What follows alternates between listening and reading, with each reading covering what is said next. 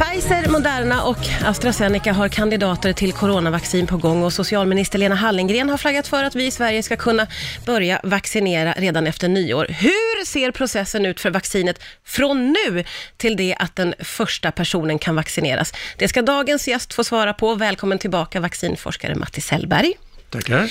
Eh, får jag börja med att fråga, hur har de här företagen jobbat för att komma hit där vi är nu, om vi kan ta det i korthet?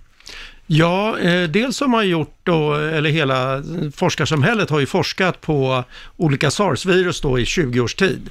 Och eh, det har ju gjort att man direkt kunde liksom fick en flygande start när man eh, började designa och, och bygga ihop vaccinet. Eh, sen så har man gjort jättestora kliniska studier som är faktiskt större än man normalt brukar göra. Eh, och nu har ju då de, åtminstone tre vaccin visat att de faktiskt skyddar mot sjukdom. Eh, Eh, och det är ju jättebra och det innebär då att eh, då håller de på och lämnar in till eh, läkemedelsmyndigheterna över hela världen för att ansöka om att få de här eh, vaccinen godkända. Och parallellt med det så har de redan börjat producera vaccin så att de har det i frysarna redan. Ja, så att så. den, den, den sekunden som får ett vaccin godkänt i ett land kommer de direkt att börja leverera. Och det är ju därför de kan, man kan då börja vaccinera kanske innan nyår och tro, troligtvis efter, men det kommer att variera lite grann land från land. Mm. Vad är det som krävs för ett godkännande då? Ja, det är att vaccinet är säkert och att det skyddar mot antingen infektion eller mot sjukdom eller mot död. Va? Och de här har ju uppfyllt det här andra kravet, att de skyddar mot sjukdom. Eh, och då är, har de allt ifrån 70% upp till 95% effekt, va? ja men då eh, kommer de att godkännas, det tror jag. Eh, Vad är skillnaden på att ha 70 och 95 procents effekt?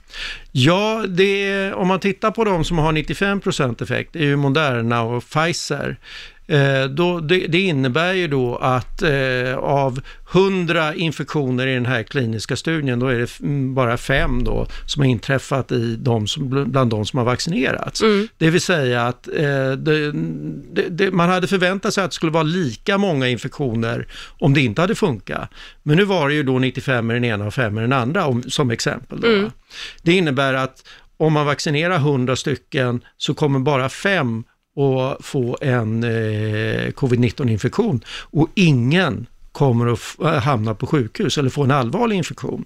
Så att det här är då eh, det är jättebra effekt. Va? Och är det, är det 70 procent, ja då är det, om man vaccinerar 100 så är det 70 som inte kommer att bli sjuka och 30 som får på eh, sjukdom, men ingen kommer att hamna på, få en allvarlig infektion.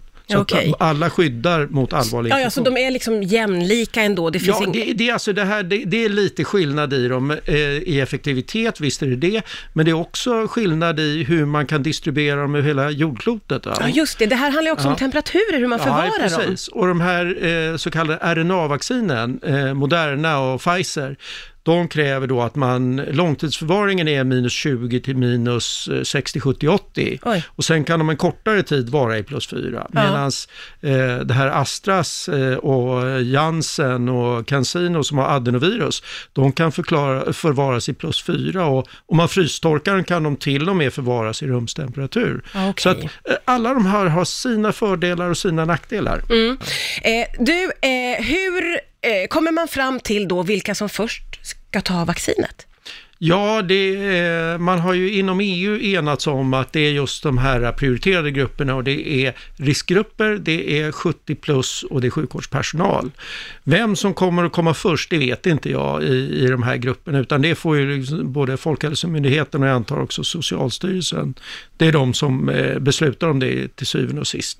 Men det är de som man prioriterar nu och det tycker jag, jag håller med om att det är, det är ett mycket bra val. Mm, för det har ju funnits någon slags eh, diskussioner kring om man ska vaccinera yngre eller folk mellan 20 och 40 och sånt där. Ja, precis. Och det, tanken där är ju då att man ska få bort de här så kallade superspridarna eller att man ska minska spridningen. Eh, men nu vet vi ju tyvärr, det är, folk har ju inte en lapp i pannan där det står att man är superspridare, annars hade det varit lätt att identifiera dem. Men det, utan det är ju så här att eh, det, det vi behöver skydda och där det får effekt och få bort från sjukvården, det är ju just att eh, vaccinera gamla och riskgrupper och Mm. sen att sjukvårdspersonalen eh, kan jobba lugnare Mm. och dessutom så riskerar inte de att sprida smitta. Sen förstår jag resonemanget att man det är ute i samhället man skulle behöva vaccinera för att minska smittspridningen. Men det, det, jag tror att den här, eh, jag håller med om att det är riskgrupperna och sjukvårdspersonal som ska vara först därför att då minskar vi trycket på sjukvården. Mm. Det finns ju vissa då som känner sig lite oroliga för att ta vaccin generellt eh, och vissa för, är oroliga för att ta ett nytt vaccin. Vad säger du till dem? Ja, eh, nej, men man ska ha klart för sig att de studier som är gjorda nu, vi, vi har ju nästan eh, aldrig gjort så här stora sto- studier och så många va, vaccin mot samma sjukdom samtidigt. Va? Så vi har ju ett extremt bra säkerhetsunderlag. Eh, sen tror jag också faktiskt man ska fundera lite grann på sitt eget riskbeteende. Vad menar man med risk? Om vi nu säger att nu har vi vaccinerat över 100 000, det har inte dykt upp vad vi vet någon allvarlig biverkning. Så säg att det kanske i slutändan blir en, ris- en allvarlig biverkning på 100 000 eller en miljon. va? Hur ofta går du mot röd gubbe över gatan? Hur ofta tar du en flaska vin? Hur ofta gör du det? Eller något annat som är farligt? Och varför är det just bara vaccin som måste ha den här extrema säkerhetsribban, vilket den faktiskt har? Så att jag tror att man, man måste fundera lite grann på vad man faktiskt menar med risk och sätta det i proportion till saker och ting. Eh, sen bedömer jag att risken att du eller jag som inte är vaccinerad blir smittade och sen är en del i en smittkedja som leder till att någon blir allvarligt sjuk eller dör är betydligt större än att jag eller du skulle få en allvarlig biverkning. Mm. Får jag fråga, hur blir situationen? Eh, vi, vi kommer att få börja vaccinera kanske redan i december, januari. Hur eh, tar vi oss an den här pandemin sen, när, när vi är igång med vaccineringen, om du förstår min fråga? Hur fortsätter vi? Ja, alltså vi, vi kommer ju då eh, först att vaccinera de här eh, riskgrupper eh, 70 plus och eh, pensionärer, Mm. mm. säga inte, eh, utan eh, sjukvårdspersonal. Och det kommer förhoppningsvis gå så fort som möjligt under våren då. Allting styrs av hur många vaccin som blir godkända, hur vi får tillgång till olika vaccin och eh, hur det liksom logistiskt går att rulla ut. Sen hoppas jag då att så fort som möjligt då, eh, kanske sommaren i bästa fall, att man börjar vaccinera allmänheten. Och det är när vi börjar vaccinera i allmänheten, det är då vi får ner spridningen på ett helt annat sätt. Ja, ja, så då kan man tänka sig att spridningen kommer att fortsätta under våren. Ja, alltså det beror ju på. Det här verkar ju gå lite grann i vågor. Det, Ja. Vi är ju inte helt... eh, Vi har ju inte full kunskap om eh, den här eh, spridningen av virus. Så att förhoppningsvis är det så att saker och ting lugnar ner sig. Nu är det ju ett virus som sprids vintertid, så att det är risken för att det kan dyka upp ytterligare sådana här vågor eller kluster, liksom, klusterutbrott, det går inte att utesluta alls. Nej. Men vi såg ju nu till sommaren att det blev lugnare. Va? Så att det, då är det ju jättebra om vi kan vaccinera runt sommaren och, och eh, tidig höst för att förhindra att det blir några ytterligare utbrott under nästa höst. Är tanken att alla ska vaccineras?